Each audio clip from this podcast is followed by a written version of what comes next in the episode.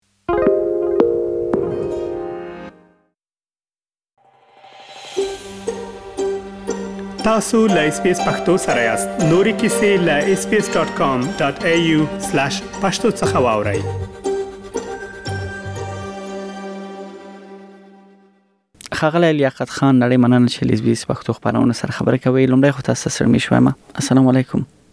وعلیکم السلام ورحمت الله وبرکاته کون ودان جناب علی خیل سے محترم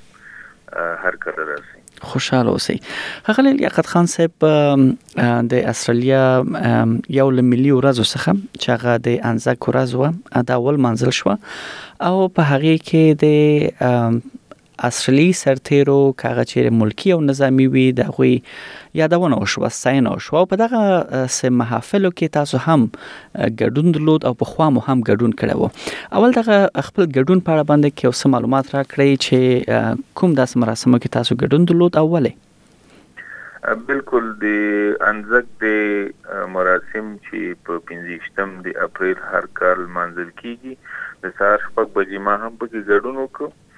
په دې کې د دې سیمې بعضې نور کاندیدان هم شامل ول او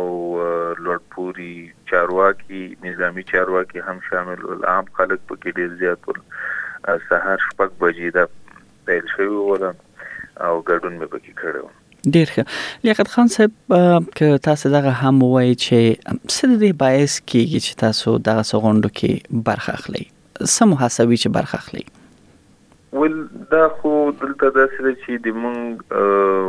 خپلې ملي ګټې دي او زموږ د ترجمانانو چې کومه برخه پکې اچي فعلا د انځک دی په خپله دا د لومړی جنګ جهاني چې 1914 1913 پورې ولا په هغه کې د ګری پورې په جنګ کې چې د استرالیا او نیوزیلند ځواکونو تلفات لیدلی بيا دا د دوی د تلفاتو لپاره دغه ورځ لمانځل کيږي، خو فعلا دغه ورځې ځان ته د غټ نوم غوره کړې ده او په دې کې دا د نور هغه خلک چې تلفات يې ليدلي په نورو هيوادونو کې او د استرليايي ځواکونو سره يې دندې تر سره کړي هغه هم په دې کې يادونه کيږي بيا زه د دې لپاره لاړم چې هلته زموږ کوم ترجمانان کاميري ورور چې الله دې وبخښي چې پکې په سنایپر لګېدلو مات شو، همداسې عدلیه ځواکونو چې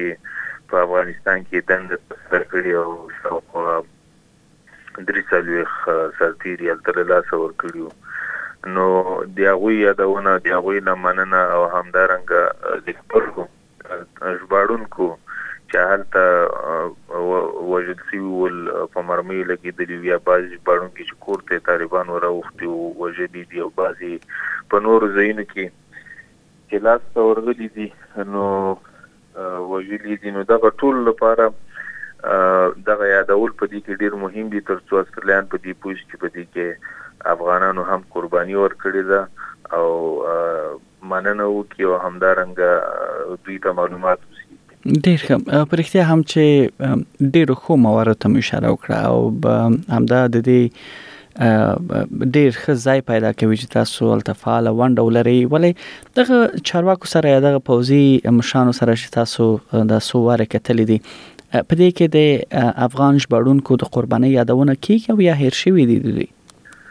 داسې ده چې دلته خو انځک دی په هر آرسل کې یا ریټرن سرویس لیک چې ورته ویل منځل کیږي نو دا مر... ارتباط لري چې هلته هغه ځواکونه وجود دي هغه افسران چې په افغانستان کې دند تر سره کړي او کنه عراق والام پاکستان دي مثلا نور زی ته تری کنه هر ځای کې د افغانستان افسران نه یا عساکر نه یلته نو دغه کومو ځای کې چې د افغانستان افسران او عساکر دي زه په دې مطمئن یم چې د افغانستان یادونه به پکې حتما کوي او د کومو ځای کې چې نه یې هلته موږ ورته یادو ډیر ځان ورته معرفي کوو او خپل تلفات چې موږ ورکړي دي هغه ورته یادو بیا هغوی ټول چې د ډیره مننه کوي ټول ډیر ښه بل د دې آیا تاسو ضرورت احساسوي ځکه چې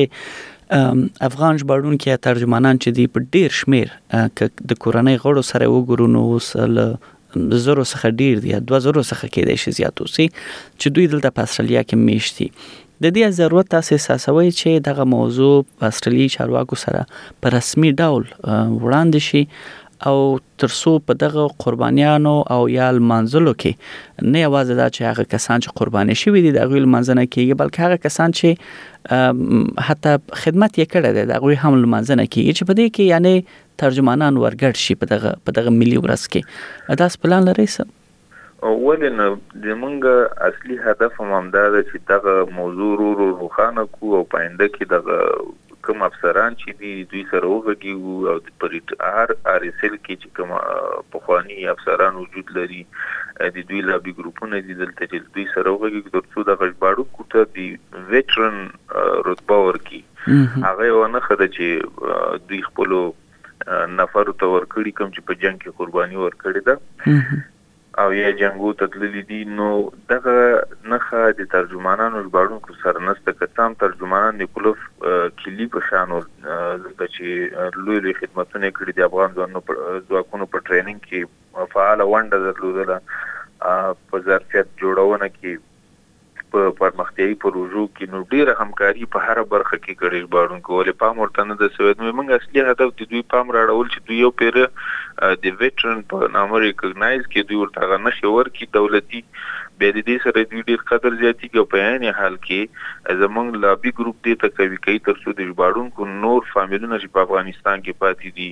هغوی ته پاملرنه وکړي او کوم ژباړونکي چې دلته تیار اوسیږي د فامیلو سره دلته هم باید ډیره پاملرنه وکړي ورته په وظیفو دندو او نورو برخو کې نو کولی شي دا خو ځوانان دي ټول کولی شي چې دلته هم خدمت وکړي په خو برخو کې نو دلته د احترام او هغه لپاره او د راتلونکي کوم فامیلونه چې پاتې په افغانستان کې د هغوی راتګ لپاره زموږ لابي ډیره ضروري په رښتیا هم او دغه کوم دغه ټایټل چې یا مډال یا هر نوم چې تاسو ورته وایي چې د ویټرنز دوی ته ورکول کیږي نو لاغي سره امتیازات هم شته دي چې هغه څخه هم دوی برخمن کیدای شي لیاقت خان صاحب یو بل پښتنه دا پیدا کیږي چې لکلونو راهیسه ژباړون کې دلته اوسېږي د استرالیا بیلابیلو ایالتونو کې ول په داسې غونډو کې د غوي ګډون ډیر کم رنګ دی لومړی سپښتنه دا ده چې ولې د هغوی ګډون کمرنګه دی؟ دویم دا ده چې څه پیغام دوی ته لرئ چې څومره مهمه ده چې دوی یعنی فعالیت ډیر کړي او برخه ډیره واخلي؟ مننه علي صاحب چې محترم داسې ده چې دلته اکثره کسان چې راغلي دي یا په دندو کې مصروف دي یا په کارونو کې مصروف دي یا داسې فعاله ونډه نه خوښیږي یا یې فامیلونه په افغانستان کې له خطر سره مخ دي په دې خاطر دوی نه غواړي چې میډیا ته ځان ډېر وښيي نو دلته ډېر لاملونه وجود لري بعضی خلک خپل شخصا نه غواړي چې له لاسه نه کی بعضی خلک داسې دي چې تصویر راتک سره کورنۍ تهدید محسوسوي بعضی خلک داسې دي چې سیاسي اکټیویټیان خوند نه ورکوي بعضی داسې دي چې انځګړی صحیح پیژني نه یا داسې خاص کومه علاقه ورسره نه لري یا معلومات یې په اړه نه لري او بعضې خلک داسې دي چې شاید داسې ژباړونکي وي چې غواړي ګډون وکړي ولې داسې څوک نه وي چې هلته یې بوځي او یا د دوی دوی ته معلومات ورکړي او دوی له ځانه سره بوځي نو دا ما ته زما خپل شخصي کوم نظریه چې نظریه ده او بل که چیرې د ساسو غک کاغوی اوري کې د استرالیا هر ایالت کوي څه پیغام لري ورته راتلونکي کلونه ځکه دلته خو استرالیا د غوي د ټولو دویم کور دی او دغه ګټه په نظر کې نیولو سره څنګه هغوی هڅوي چې دوی په دغه انځک مراسمو کې ګډون وکړي او څنګه وکړي